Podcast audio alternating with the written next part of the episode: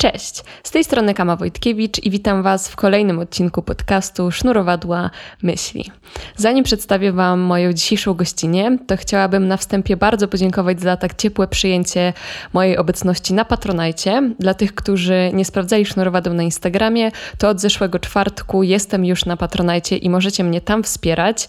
Oczywiście sznurowadła dalej pozostaną bezpłatne dla wszystkich, ale jeżeli chcielibyście przyczynić się do tego, że dźwięk będzie lepszy, będę mogła zainwestować w lepszy sprzęt, opłacić realizatora dźwięku, zainwestować w swoją edukację przede wszystkim i dokształcanie się, to zapraszam Was na moje konto na Patronajcie. Link znajdziecie w opisie tego odcinka. W ramach każdego progu subskrypcji będziecie mogli dostać ode mnie mały upominek.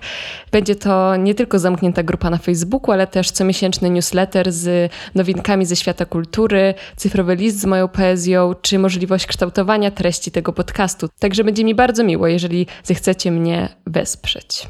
Dzisiaj gościła u mnie Aga Konopka, która jest tancerką, reżyserką ruchu, choreografką, nauczycielką tańca i zajmuje się tak naprawdę szeroko pojętą świadomością ciała i świadomością emocji w ciele. Prowadzi kursy, warsztaty i jest niesamowicie inspirującą, kreatywną i artystyczną duszą. Także mm, nasza rozmowa była naprawdę bardzo inspirująca dla mnie i mam nadzieję, że będzie też dla Was, bo porozmawiałyśmy właśnie o tym, jak pracować z ciałem w ruchu, jak pracować z tańcem jaki w ogóle taniec ma potencjał też w kontekście uwalniania emocji i radzenia sobie z kryzysami emocjonalnymi. Aga opowiedziała mi też o swojej pracy reżyserki ruchu, jak pracuje z modelkami, z aktorami, na co zwraca uwagę i czego chce nauczyć też młodych tancerzy, prowadząc swoje kursy. Także zapraszam Was do tej naprawdę inspirującej i bardzo wartościowej rozmowy z Agą.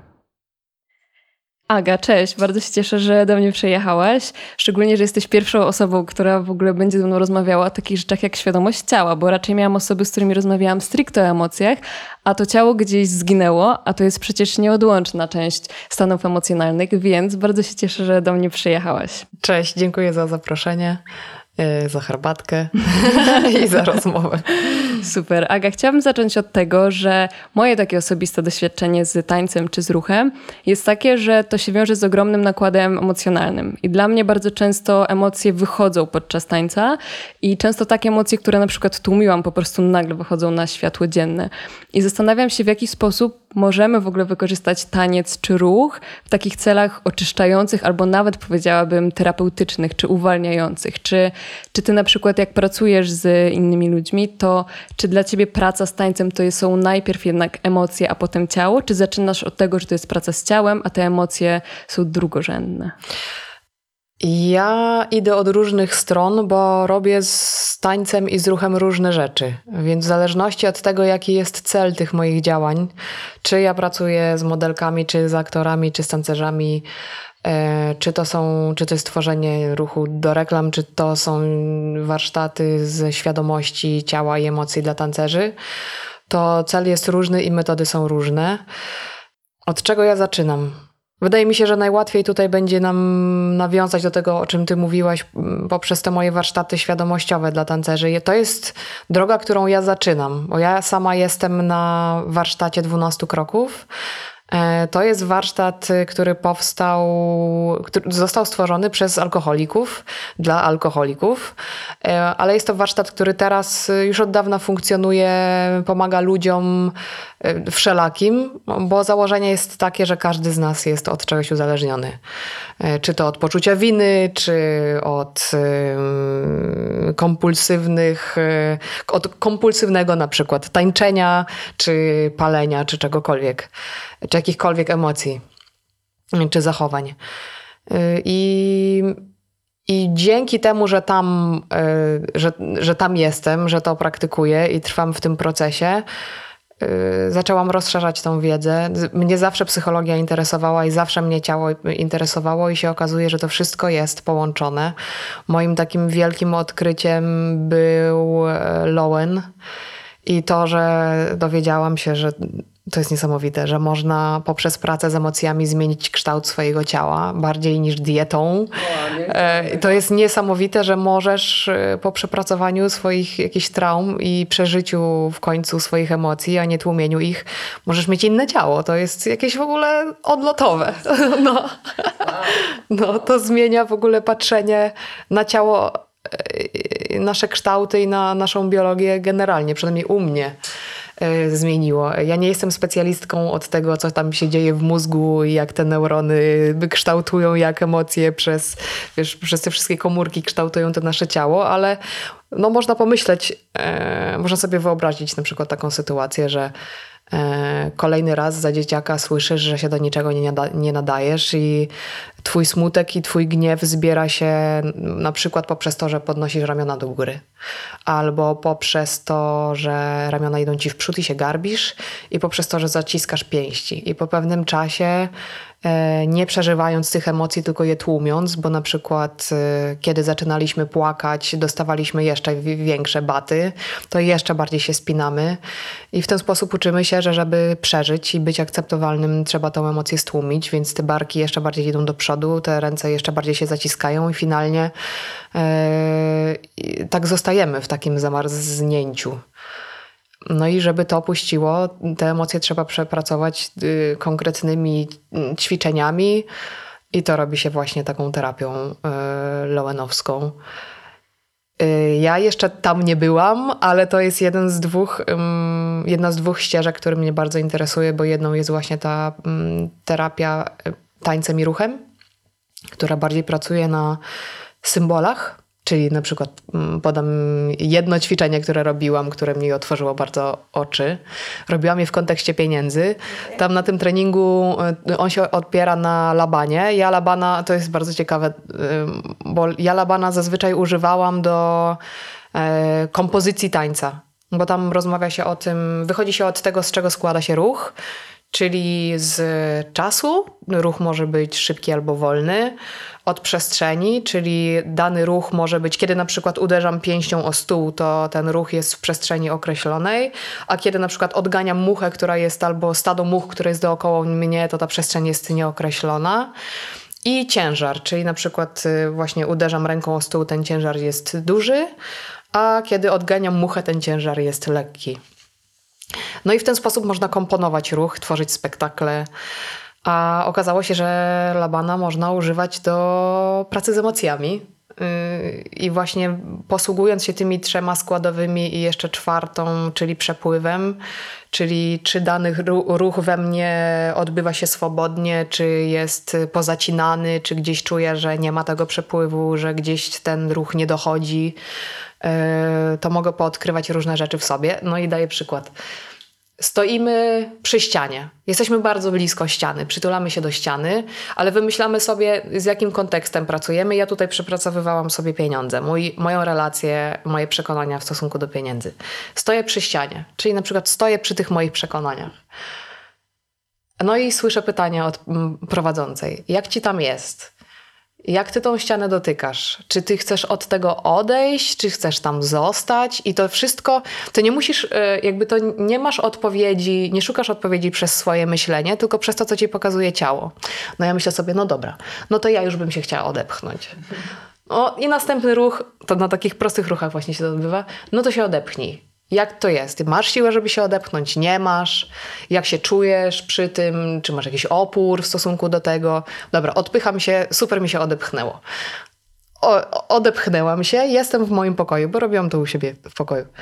Um, no i zaczęłam sobie wchodzić w jakiś ruch, bo trzeba było wejść w ruch, w jaki czujesz, że chcesz sobie wejść. No to ja sobie robię. I nagle dostaję pytanie, jaką ścieżkę, jaką ścieżką się poruszasz? A ja mówię, o wow, ruszam się w kółko. Chodzę w kółko. Były niesamowite. Jakby nie, ja nie, nie, mia, nie miałam tej świadomości, e, że ja naprawdę podejmuję takie decyzje, które sprowadzają mnie cały czas do tego samego punktu. E, a moje ciało mi pokazało, że ono się kręci w kółko. Mówię, o wow, niesamowite. To mi pokazało ciało, a nie mój umysł. Tak. I kolejną rzeczą było, no to teraz wybierz sobie, do którego punktu chcesz iść. To też już było takie, że się nie mogłam zdecydować. Moje ciało tak by wolało się kręcić w kółko. To już było dla mnie niewygodne. No i na, jak, jak już doszłam do jakiegoś celu, powiedzmy, że poszłam do rogu mojego łóżka i trzeba było wykonać taki ruch brania do siebie ręce. Mówię, no nie, no wygodniej mi jest oddać. No ja tak, tak jakoś mi niewygodnie to brać. Nie? Mojemu ciału to tak, ono by wolało tak te ręce wyprostować, niż tak zgiąć do siebie. Nie? Mówię, niesamowite, to wszystko jest zapisane w ciele. To jest takie bardzo metaforyczne, ale Tak. jednak no, dosłownie pokazuje, że Tak. na przykład masz problem z przyjmowaniem, Dokładnie. a już poświęcasz się dla innych, bo dużo Tak, in, innym tak, dajesz tak, siebie. tak. To mi też przypominało psychoterapii w nurcie gestalt, bo to na tym samym polega, że właśnie wybierasz sobie na przykład punkty w przestrzeni i one symbolizują jakąś sytuację, bo Mhm. na przykład masz problem z podjęciem decyzji i musisz zamknąć oczy i poszukać w ciele, w którą stronę cię to ciało prowadzi. Czy Mhm. ono ci podpowiada, że ta sytuacja jest dobra, czy ta. I jak już staniesz w tym miejscu, to sobie wyobrazić, że jesteś rzeczywiście w tym scenariuszu i zobaczyć, czy twoje ciało się spięło, czy się rozluźniło, czy się rusza, czy jest stabilne. Widzę jakby duże połączenie Tak. pomiędzy tym. No to jest Niesamowite. niesamowite, że, że naprawdę ciało ma swoją świadomość. E, Nie jesteśmy tylko chod- chodzącym umysłem. Jasne. Jednak ten rozdział ciała i umysłu jest tak szkodliwy dla nas i tak bardzo praktykowany w Europie, jakoś wschód poradził sobie z tym, a może nigdy tego tak całkiem nie przyjął. A my teraz wracamy do oddechu, teraz się zachwycamy Wim Hofem, teraz wracamy do medytacji, jest jakieś takie ogólne obudzenie się. E, No i ja się cieszę bardzo. Chociaż to dla mnie też nie jest proste, żeby, żeby jednak te moje nawyki przekierować na praktykę oddechu, na robienie sobie Jakobsona wtedy, wtedy kiedy jestem zestresowana. Mogę powiedzieć, na czym polega Tak, Jakobson? jasne, śmiało. Bo to jest metoda, która dla najbardziej mi pomaga się odstresować, najszybciej i jest dla mnie najłatwiejsza. To polega na tym, że siadasz sobie z wyprostowanymi plecami, najlepiej nie opierając się o krzesło, stopy są na ziemi i spinasz i relaksujesz kolejne części ciała, czyli na przykład usiądź, zamknij sobie oczy, weź parę głębokich wdechów i wydechów i zepnij e, prawą dłoń, ale tak totalnie na maksa, razem z wdechem i zatrzymujesz e, ten totalny wdech razem z tym napięciem dłoni i trzymasz i czekasz, e, skupiasz się totalnie na tym odczuciu tego zatrzymania oddechu na wdechu i spięciu dłoni trzymasz to sobie przez chwilę i puszczasz i sprawdzasz, jakie, jakie to jest odczucie tego puszczenia. Później napinasz sobie na przykład biceps, podnosząc prawą dłoń do prawego barku i napinasz biceps na maksa. Później podnosisz prawy bark do prawego ucha i spinasz na maksa. I tak dalej przechodzisz przez całe ciało i po 15 minutach jest totalny odlot. I to totalny relaks. W umyśle nie ma myśli. Ja wtedy najczęściej zaczynam się modlić i jak po takiej praktyce siadam do pracy, to zauważam, że to, co zaplanowałam na przykład na dwie godziny, robię w godzinę, bo jest takie skupienie. I medytacją jeszcze nie potrafię się doprowadzić do takiego stanu, a to naprawdę poprzez to, że fizycznie spinam mięśnie, pozwala mi się e, szybciej rozluźnić. Wow. A czy praktykujesz coś takiego na przykład z tancerzami? Czy z twojego doświadczenia tancerze to są właśnie osoby, które mają taką świadomość swojego, swoich emocji w ciele? Czy to są tylko ludzie, którzy... Nie, nie mają. No właśnie, bo nad tym się zastanawiam. Nie, to y, jak y, idziesz na przykład na studia albo idziesz po prostu na zajęcia z tańca, to raczej nie spotkasz się z taką wiedzą. E, Bardziej możesz się spotkać z taką wiedzą na zajęciach z aktorstwa, ale też nie dowiesz się za bardzo, jak to rozładować. E, I w ogóle, kiedy jesteś naładowana, jak to się czuje, że jesteś naładowana. Ja nie wiedziałam tego, mimo tego, że zanim zaczęłam 12 kroków, to ja już byłam po 20 latach praktyki tańca i ja takich rzeczy nie wiedziałam.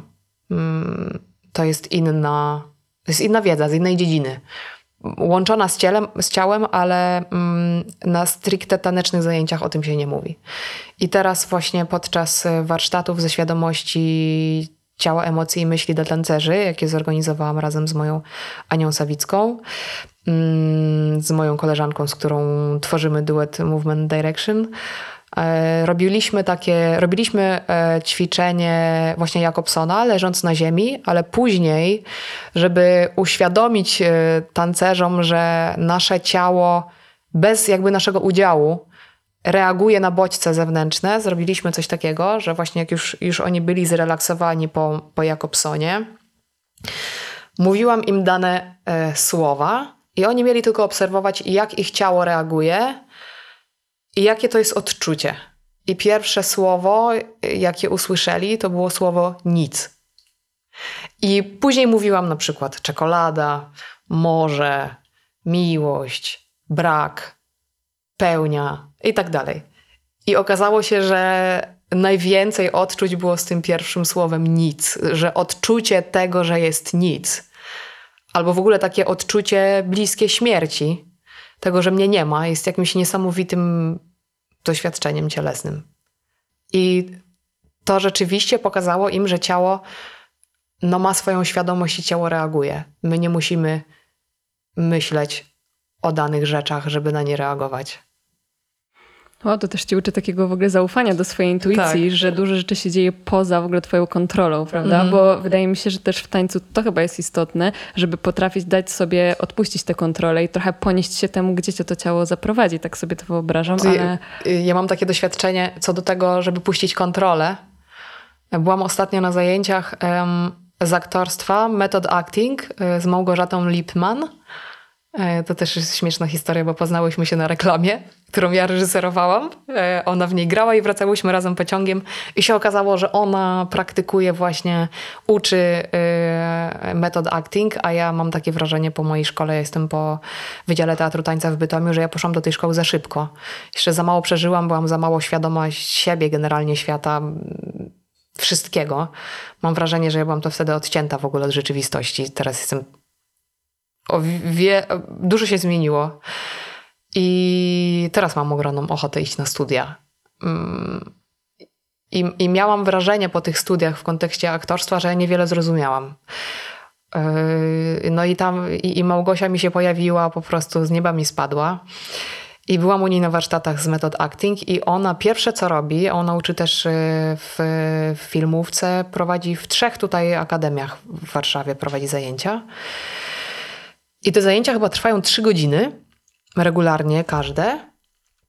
I pierwszą godziną jest relaksacja. Więc oni robią tego Jakobsona i techniki oddechowe przez godzinę. I ja jak to zrobiłam, to ja się czułam jak głodny wilk, który idzie na polowanie. I jak idziesz, z, ja, ja, czułam się jak, jak przekaźnik. Czyli wszystko, co, ze mnie włazi, co we mnie właziło, było przeze mnie odczuwane i bez e, blokad na to reagowałam. I to było niesamowite. Ja sobie pomyślałam, kurde, jak ja bym w takim stanie pojechała na zawody, to mimo tego, że ja nie, nie ćwiczę e, jakby tak na, na, na, zawody, nie trenuję od jakichś pięciu lat, to ja bym chyba wszystko wygrała. Bo to był tak niesamowity stan otwartości i połączenia się ze sobą, ze swoim ciałem, yy, że ja czułam jakby wszystkie szufladki w mojej głowie i wszystkie umiejętności były po prostu mi tak podane na tacy i mogłabym sobie tym żonglować. Yy, więc yy, ja bardzo chciałabym do mojej praktyki z tancerzami dodawać właśnie takie elementy bo to wtedy można, e, wtedy się dowiadujesz w ogóle, co w tobie jest. Czyli można powiedzieć, że dobry tancerz to też jest osoba, która bardzo dobrze rozumie swoje emocje. Tak ja to przynajmniej... No ja zaczynam to tak rozumieć, że to e, to jest coś, co było długo pomijane, przynajmniej w środowisku, w którym ja funkcjonowałam, czyli tym freestyle'owo-hip-hopowym i też współczesnym, że jest po prostu na, nastawienie na technika, technika, powtarzanie, yy, zawody, spektakle, ale jest mało nastawienia, przynajmniej było u mnie, mało nastawienia na taką mega świadomą pracę mentalną z, z ciałem, yy, przygotowującą do do praktyki, w ogóle do, do, do wchodzenia w ruch i do produkowania materiału, do kreowania materiału, na przykład do spektaklu. Jasne. Wyobrażam sobie, że po takiej praktyce relaksacji godzinnej całkiem co innego by ze mnie wylazło na dany temat, który mam poruszyć, czy na dany temat, na który mam improwizować, niż po prostu jak mam to wyciągać z mojej normalnej, zwykłej relacji mojego umysłu z moim ciałem, takiej codziennej, codziennej. A czy twój rozwój właśnie taki osobisty, jeżeli mogę go tak nazwać, jest powiązany też z tym, że przeszło, że twoja kariera, twoje życie zawodowe przeszło od właśnie tańca, choreografii w reżyserię ruchu? Czy reżyseria ruchu się pojawiła zanim ty zaczęłaś pracować tak silnie nad swoimi emocjami i chodzić na warsztaty? Bo zastanawiam się, wiesz, czy reżyser ruchu to jest po prostu choreograf, który pracuje z modelkami, aktorami, osobami na planie? Czy jednak jest, są jakieś umiejętności, które sprawiają, że nie wystarczy być tylko ta dobrym tancerzem, żeby być dobrym reżyserem ruchu. Jak to mhm. z Twojego doświadczenia wynika? U mnie praca y, taka rozwojowa, osobista, mentalna zaczęła się za, y, później. Najpierw zaczęłam reżyserować ruch modeli. I uważam, że to jest y, w kontekście samego kreowania ruchu y, najprostsza, y, najprostsza gałąź, jakby, w której ja funkcjonuję z tym moim ruchem. Pod kątem ruchu najtrudniejsze jest dla mnie tworzenie spektakli, ale ono, spektakl pozwala ci na proces. Na proces tworzenia, na zanurzenie się, na zastanowienie, na pracę grupową na naprawdę na podejmowanie konkretnych decyzji i później realizowanie tego. A praca przy reklamach czy przy sesjach zdjęciowych bardzo często odbywa się bardzo szybko. E, bardzo często zmieniane są decyzje w ostatniej chwili, więc to e, jest najłatwiejsza ruchowo praca dla mnie, bo stan fizyczny modeli jest poniżej przeciętnej jakiejkolwiek, naprawdę. I to jest y, ten brak kultury fizycznej teraz i kultura telefoniczna y, jest widoczna nie tylko w dzieciach, ale y, no, praca z tak zwanymi new face'ami, czyli osobami, które dopiero co się dostały do agencji, jeszcze nie za wiele zrobiły. I na przykład doświadczenie chłopaka, który ma 19 lat i nie potrafi ustać w desce 10 sekund, bo się trzęsie, to mówię, no coś jest nie tak. I to nie dotyczy się tylko modeli, dotyczy się pewnie wszystkich, może nie tancerzy, większości, większości społeczeństwa. E, I dopiero można zrobić coś naprawdę nadzwyczajnego od strony ruchowej e, z osobami, które albo miały wcześniej doświadczenie taneczne, a jest trochę takich modeli, i z modelkami, które są no tak top-top. Miałam doświadczenie pracy z modelką, która jest w pierwszej piątce rankingu na świecie, ale jest też performerką, w jakim jest Laban, y, chodzi na kontakt improwizację. Ja mówię, wow, odlot. E, no to było niesamowite doświadczenie, ale z większością modeli jest y, po prostu ciężko.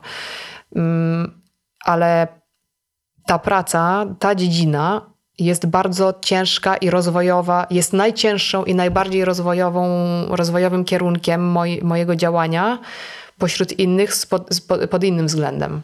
Pod względem relacji z ludźmi, pod względem radzenia sobie ze stresem i przekonań. E, to jest dziedzina, która mnie zestresowała najbardziej w moim życiu. To były najbardziej. Ja teraz robię to nie pamiętam, czy czwarty, czy piąty rok.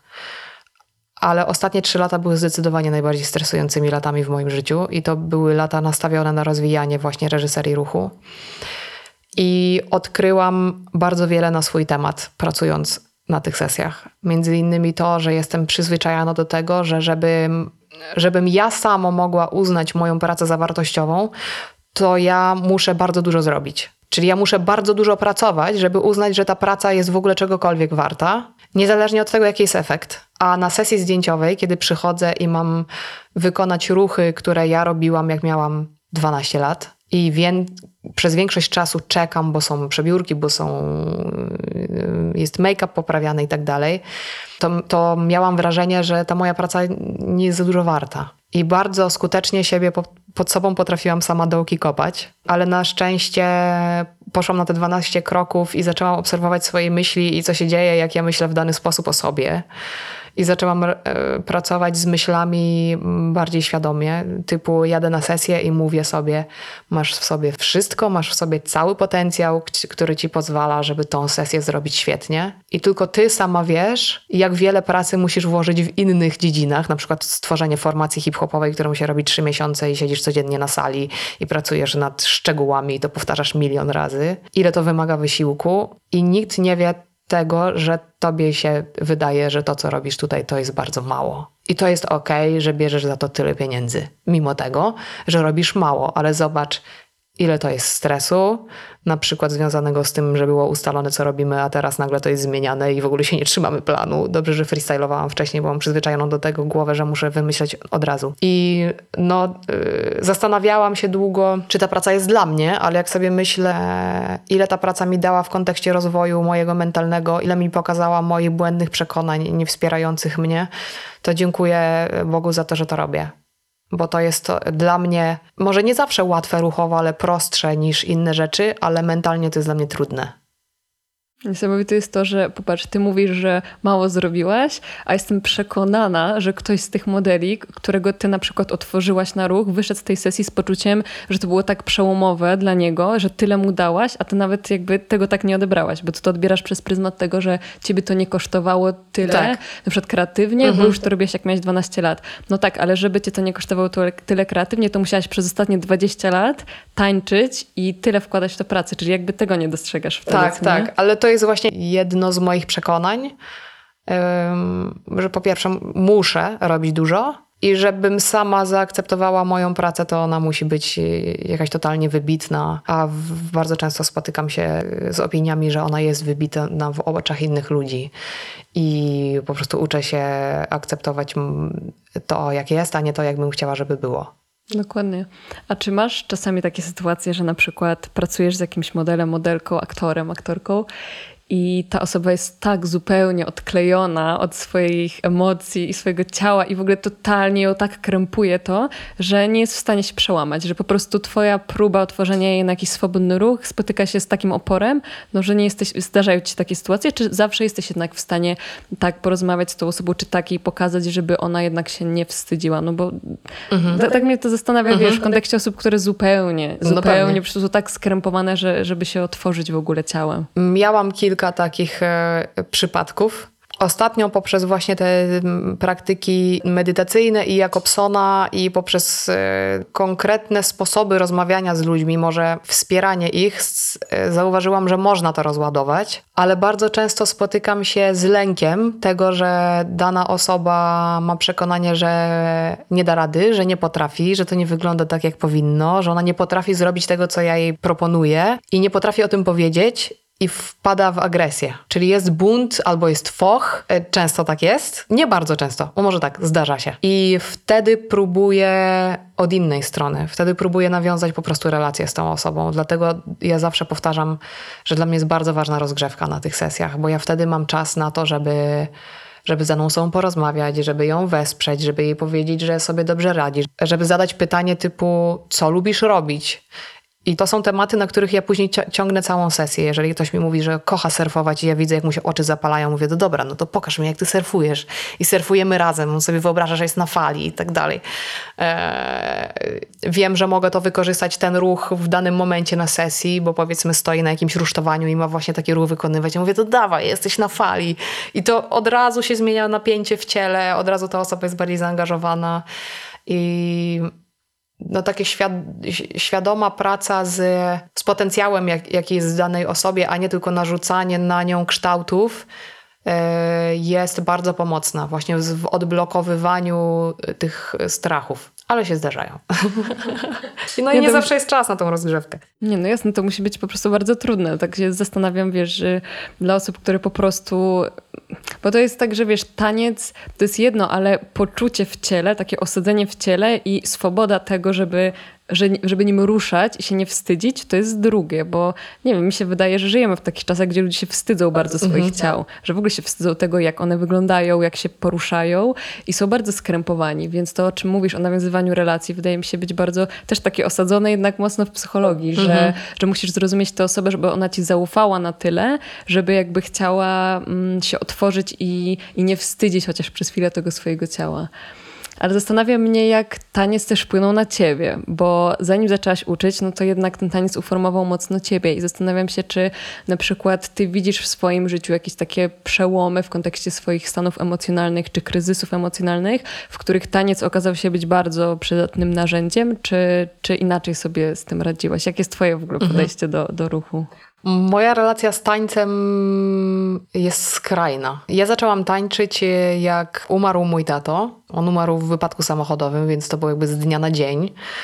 I ja poszłam do Domu Kultury w Kątach Wrocławskich, z których pochodzę i tam po prostu na korytarzu, a poszłam do Domu Kultury, bo chciałam grać na gitarze. Ale na korytarzu spotkałam przystojnego pana w kręconych włosach, który mi powiedział, dzisiaj nie ma zajęć gry na gitarze, ale ja uczę tańca. Ja mówię, dobra, to ja zacznę tańczyć.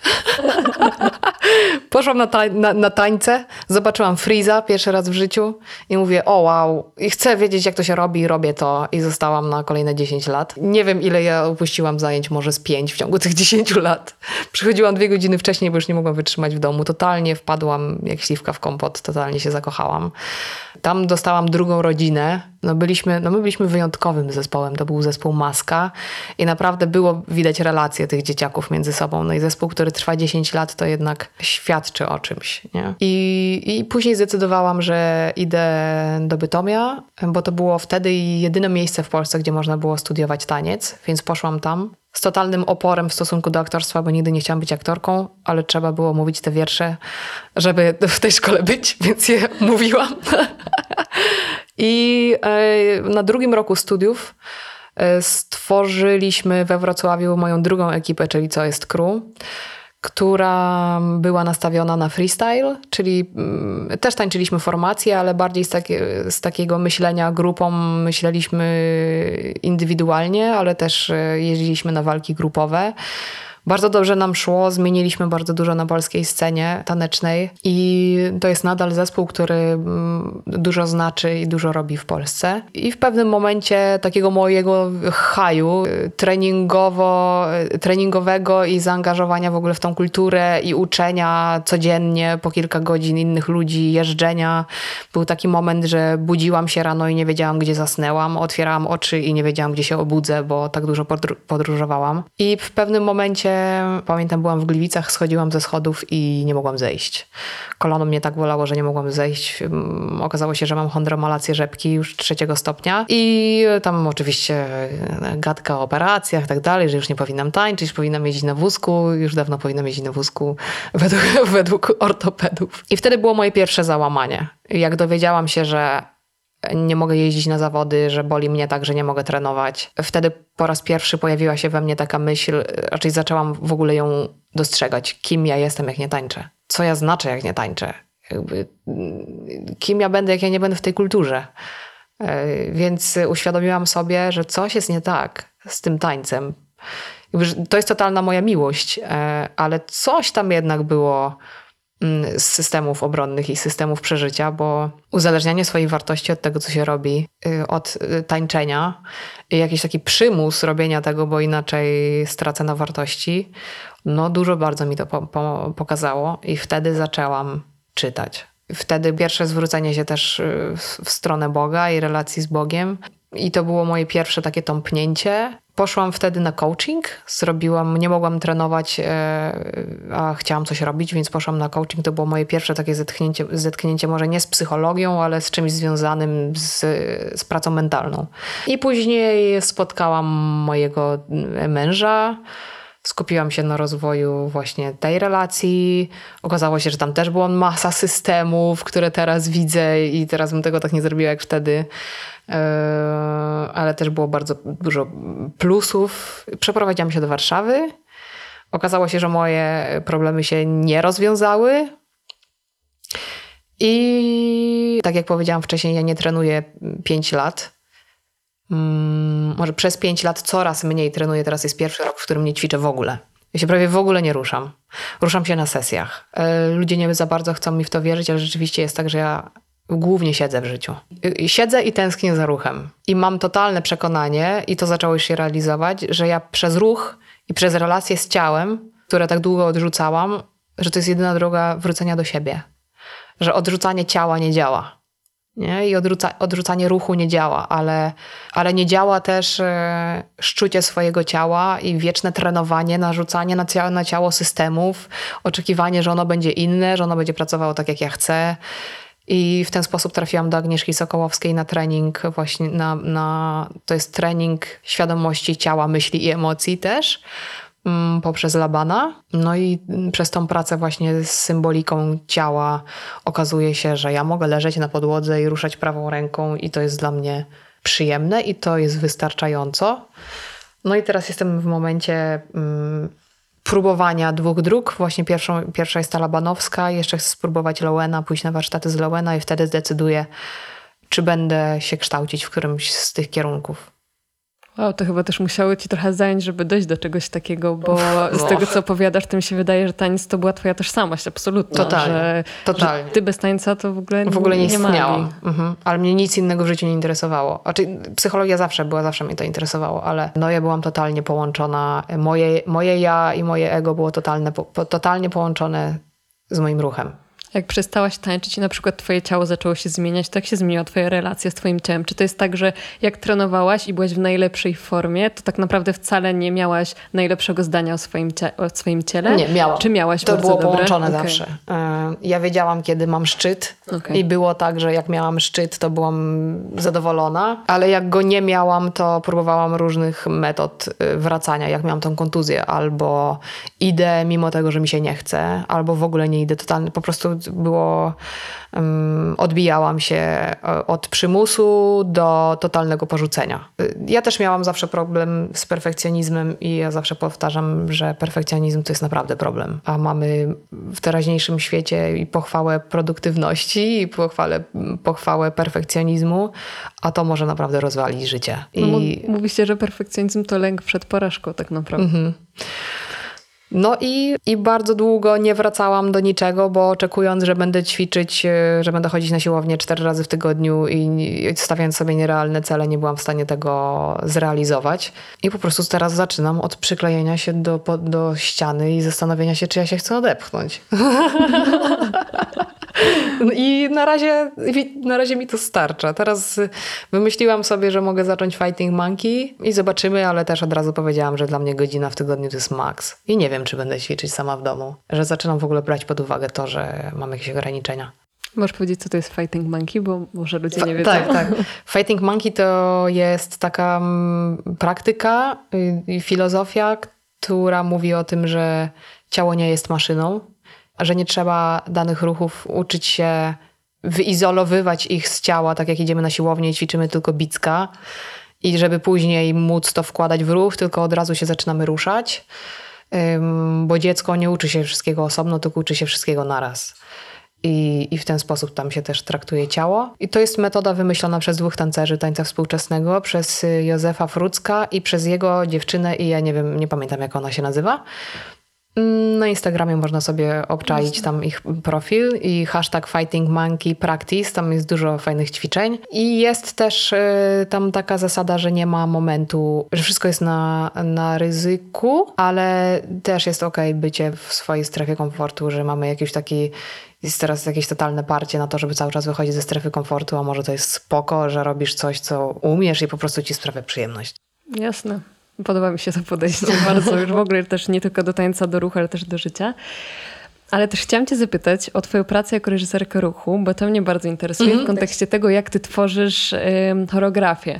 Bo z jednej strony wydaje mi się, że no, jesteś bardzo wrażliwą osobą, ale z mojego doświadczenia praca na planach jest strasznie stresująca. Jest strasznie Jest. nastawiona na czas, na Jest. efekty.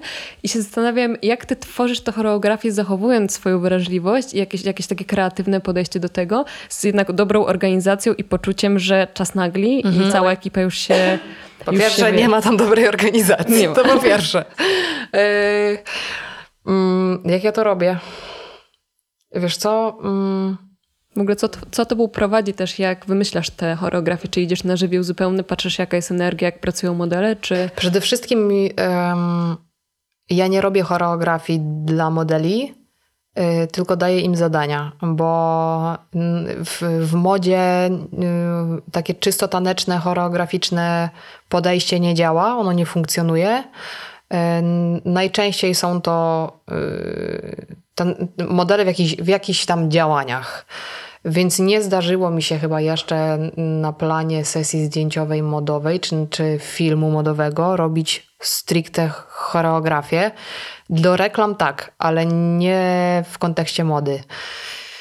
I najczęściej jest tak, że dostajesz moodboard, gdzie jest dosłownie w trzech zdaniach opisana koncepcja.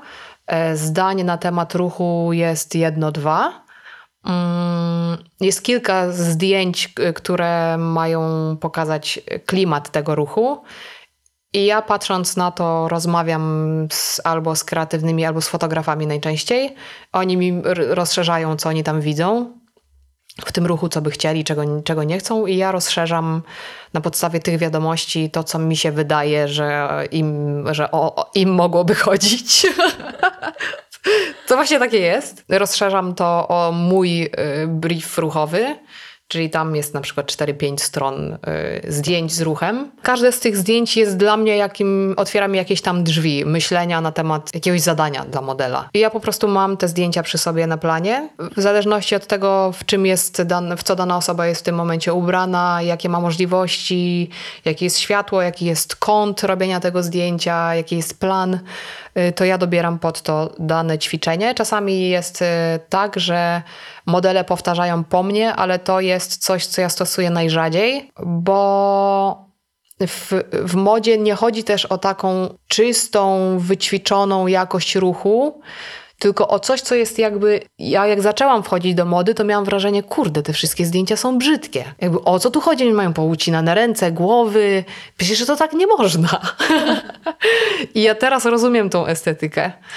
I widzę, że modele mają w sobie właśnie taką jakość jakiejś takiej brzydoty i niedoumienia danych rzeczy, i o to chodzi, dlatego narzucanie na nich konkretnej choreografii czy konkretnego ruchu się nie sprawdzi, bo to nie chodzi o tą jakość. Dlatego ja im daję zadania. No. to tak. A do reklamy, jak się robi choreografię, to normalnie jest próba i robisz choreografię. Okej, okay, okej. Okay. A wiem też, że stworzyłaś kurs, znaczy chyba go współtworzyłaś, tak, tak się tak. wydaje, jak zarabiać w ogóle tańcem, ale też robisz warsztaty Ways of Being mhm. i pracujesz w ogóle w Movement Direction i to mnie bardzo interesuje w kontekście tego, na co ty w ogóle kładziesz nacisk, jak uczysz innych ludzi. Czy jest coś takiego, co ty najbardziej chcesz przekazać, bo masz poczucie, że tego maksymalnie jest brak wśród młodych tancerzy, choreografów czy początkujących reżyserów ruchu? Czy jest coś takiego mhm. w ogóle, co na przykład ty byś chciała wiedzieć, kiedy zaczynałaś, mhm. a nie miałaś tego w sobie? Tak. Ja przede wszystkim zauważyłam mm, takie coś, że jeżeli ja chcę się czegoś nauczyć, bo czuję, że mam gdzieś brak, i coś mnie bardzo interesuje, to jakoś, jakoś tak jest, że okazuje się, że inni ludzie, innym ludziom też tego brakuje i też ich to interesuje. I ja sobie wymyśliłam, że ja nie będę płacić za swoją edukację, tylko ja będę umożliwiać innym i sobie edukację, więc zarabiam na tym, że się uczę. I dlatego organizuję warsztaty. To jest jeden z myków, który sprzedaję w tym kursie, jak zarabiać z tańca. I dlatego zaczęłyśmy organizować z Anią Ways of Being. I tam zapraszamy głównie Ele Chowaniec i Jacka Owczarka, którzy teraz pracują nad swoją własną y, metodą dramaturgii formy, czyli tańca. Prowadzą badania. To, co ja uważam za warte przekazywania i na co ja zwracam uwagę, albo co dostarczam, jakie, jakie warsztaty dostarczam tancerzom, to są warsztaty, które odpowiadają na pytania na przykład, mm, jak tworzyć ruch na dany temat, albo jak tworzyć ruch, na, który ma wyrażać daną emocję. I jak to ciągnąć z ciała, a nie z umysłu. I co to znaczy ciągnąć z ciała, a nie z umysłu. I tego się uczę właśnie na Ways of Being od Eli i od Jacka. Jak selekcjonować materiał, który wyprodukujesz, bo my jesteśmy w Polsce świetni w produkowaniu fajnych rzeczy. Ja też głównie mój trening freestyle'owy polegał na tym, że ja produkowałam ruch, ale żeby wybrać z tego już do spektaklu, jak musisz ułożyć coś konkretnego, co jest zapamiętywalne mm, i powtarzane, jak musisz wybrać, to już nie wiemy, co mamy wybrać, bo ciężko nam jest się odkleić od tego, co lubimy, nie wiemy, jak mamy to układać, więc kolejne pytanie, jak układać, żeby to miało sens? I jak układać, żeby to widza trzymało cały czas w napięciu, co wyrzucić i dlaczego to ma być wyrzucone, co zostawić w jakiej kolejności. Mm, no i jak opowiadać przez godzinę na jeden temat, żeby to się nie znudziło. I to wszystko, na te wszystkie pytania odpowiadamy na Ways of Being. Ja, ja bardzo uważam y, podczas prowadzenia warsztatów, kiedy ja je prowadzę, żeby mówić ludziom, zanim, y, y, zanim zaczną wykonywać dane zadanie, dlaczego je robią. Mm, bo ja mam takie przekonanie, że ja bym o wiele bardziej skorzystała z moich studiów, jakbym wiedziała, do czego mi służą dane ćwiczenia, bo ja je robiłam, nie wiedząc, co robię i po co to robię i co ma mi to dać. Więc pewnie coś tam we mnie zostało, mam jakąś już nieuświadomioną kompetencję, ale ja lubię wiedzieć. I wiem, że tancerze są totalnymi rozkminiaczami w większości i mają bardzo dużo widzą szczegółów. Dlatego ja mam taką metodę i ponoć mam taki dar tłumaczenia skomplikowanych rzeczy prostymi słowami, tak że one są zrozumiałe. Widzę, co nie działa, więc widząc, dlaczego ja czułam się niedouczona po tych, od strony aktorskiej po tych studiach i co potrzebowałabym, żeby to zmienić, staram się to zmienić w moim uczeniu, czyli tłumaczę, dlaczego to robimy. A później pytam o efekt, czyli na początku, to już wziąłem z coachingu, na początku pytam na przykład od 0 do 10, jak bardzo czujesz się swobodny w tworzeniu ruchu na dany temat. 3. Robimy dane zadanie. Teraz, jak to się zmieniło? Jak się czujesz od 0 do 10? Na ile wzrosła twoja wiedza na ten temat? No i mówią mi wtedy od razu masz, od razu ja wiem, czy ja ich czegoś uczę i oni wiedzą. Więc robię taką, yy, sprawdzam. O.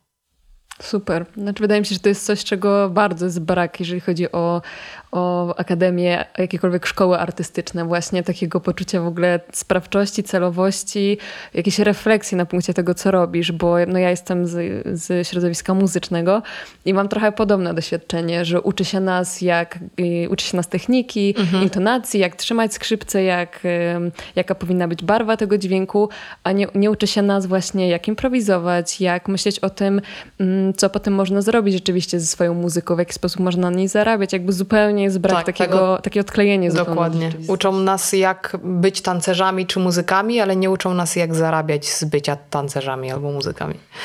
I to jest coś, z czym ja się totalnie borykałam przez jakieś 7 lat. Bardzo dobrze, bardzo się cieszę, że ja miałam ten hip-hop i bo mogłam na tym zarabiać i to całkiem nieźle w tym wieku i bardzo szybko. Nie musiałam pracować w McDonaldzie za wtedy, nie wiem jaka tam była stawka, 12 zł, tylko od razu mogłam pracować za jakieś ludzkie e, pieniądze i jeszcze do tego miałam czas dla siebie. Mm, no bo nie jesteś w stanie prowadzić zajęć 8 godzin dziennie, codziennie. I po studiach miałam od razu pracę, ale totalnie nie wiedziałam, jak wejść do teatru. Totalnie nie wiedziałam, jak to się robi, że się gra w spektaklach tanecznych, jak to się robi, że się jest w reklamie i w ogóle nie miałam pojęcia, że jest coś takiego jak reżyseria ruchu.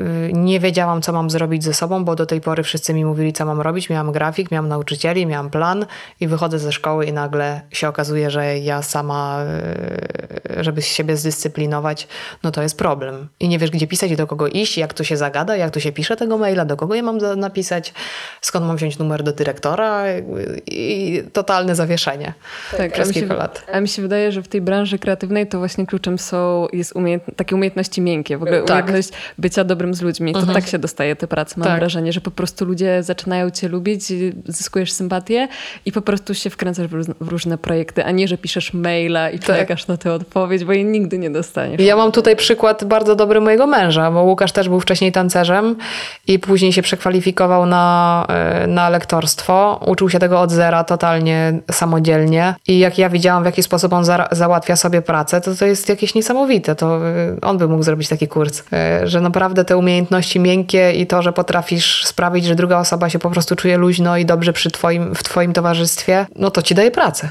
Po prostu. I jeszcze do tego trzeba mieć skilla, ale skill bez tych miękkich umiejętności i bez takiego przekonania, że dobra, drzwi są otwarte, jak zapytam, to pewnie są otwarte, no to jest bardzo ciężko, bo znam wiele takich osób, które są nieoszlifowanymi diamentami, po prostu technicznie, e, jeżeli chodzi o taniec, o improwizację, są genialni, e, ale przekonania ich tak trzymają, że są od kilku lat w tym samym miejscu i no i smutno mi z tego powodu, że tak jest. No tak, bo jest dużo, wiesz, zdolnych ludzi, mhm. ale mało takich, którzy też są sprytni i strategiczni tak, w tym. dokładnie. No trzeba mieć jakieś, jakąś formę sprytu tak. w sobie.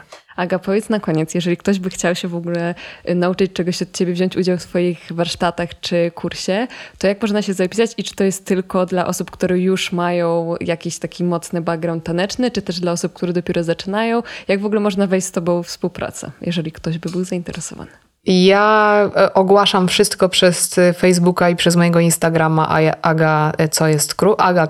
co jest kru, więc tam można sobie wszystko obserwować. Też mam storiesy związane z emocjami, właśnie ze zdobywaniem pracy i warsztaty są dla osób, które chcą wiązać swoją przyszłość z tańcem albo chcą w tańcu pobyć przez jakiś czas. Czy ja robię warsztaty dla osób początkujących? Może Ruchowo, ruchowo chyba nie, chociaż e, na warsztaty e, na przykład świadomości ciała, emocji i myśli totalnie początkujący mogliby przyjść. A na Ways of Being przychodzą tancerze, którzy już tańczą, ale są początkujący, jeżeli chodzi o tworzenie spektakli. Tw- początkujący w, w kontekście wiedzy na temat kompozycji. Okej. To jak najbardziej. E, tak, więc też e, jeżeli chcecie pogadać, zapytać, to po prostu piszcie na priv, nie ma co pisać maili. Tak, ja wszystko podlinkuję też na pewno, więc jeżeli ktoś będzie zainteresowany, to wierzę, że cię znajdzie. A ja ci bardzo dziękuję, że się taką wartościową wiedzą też podzieliłaś i no dla mnie to było bardzo otwierające, także dziękuję. Dziękuję bardzo. Bardzo lubię. Polecam się. Dziękuję za zaproszenie. Na dzisiaj to już wszystko. Bardzo Wam dziękuję, jeżeli dotrwaliście z nami do końca. Aga jest naprawdę niezwykle inspirującą i wrażliwą osobą, także mam nadzieję, że spodobała Wam się nasza rozmowa. Jeżeli chodzi o warsztaty, kursy, które Aga prowadzi, to wszystko podlinkuję w opisie tego odcinka, razem też z małym fragmentem tego, jak w ogóle wygląda praca Agi, także zapraszam Was serdecznie do oglądania i my słyszymy się już za dwa tygodnie.